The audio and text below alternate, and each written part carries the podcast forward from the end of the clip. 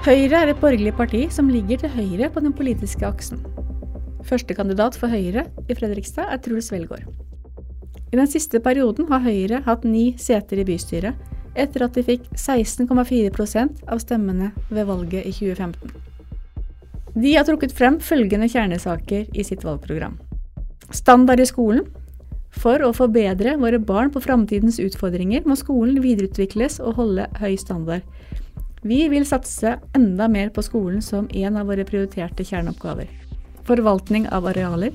Utbygging og disponering av arealer i Fredrikstad må forvaltes på en god og langsiktig måte, samtidig som vi opprettholder en variert boligmasse. Dette med grønne lunger og tidsriktig infrastruktur. Aktiv næringspolitikk. Høyre vil føre en næringspolitikk hvor vi ønsker å legge til rette for et lokalt næringsliv som skaper nye og trygge arbeidsplasser.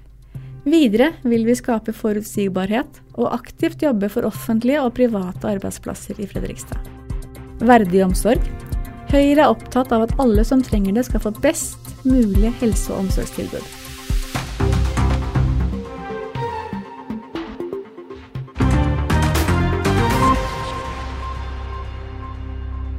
Lurer du på hvilket parti som fortjener din stemme?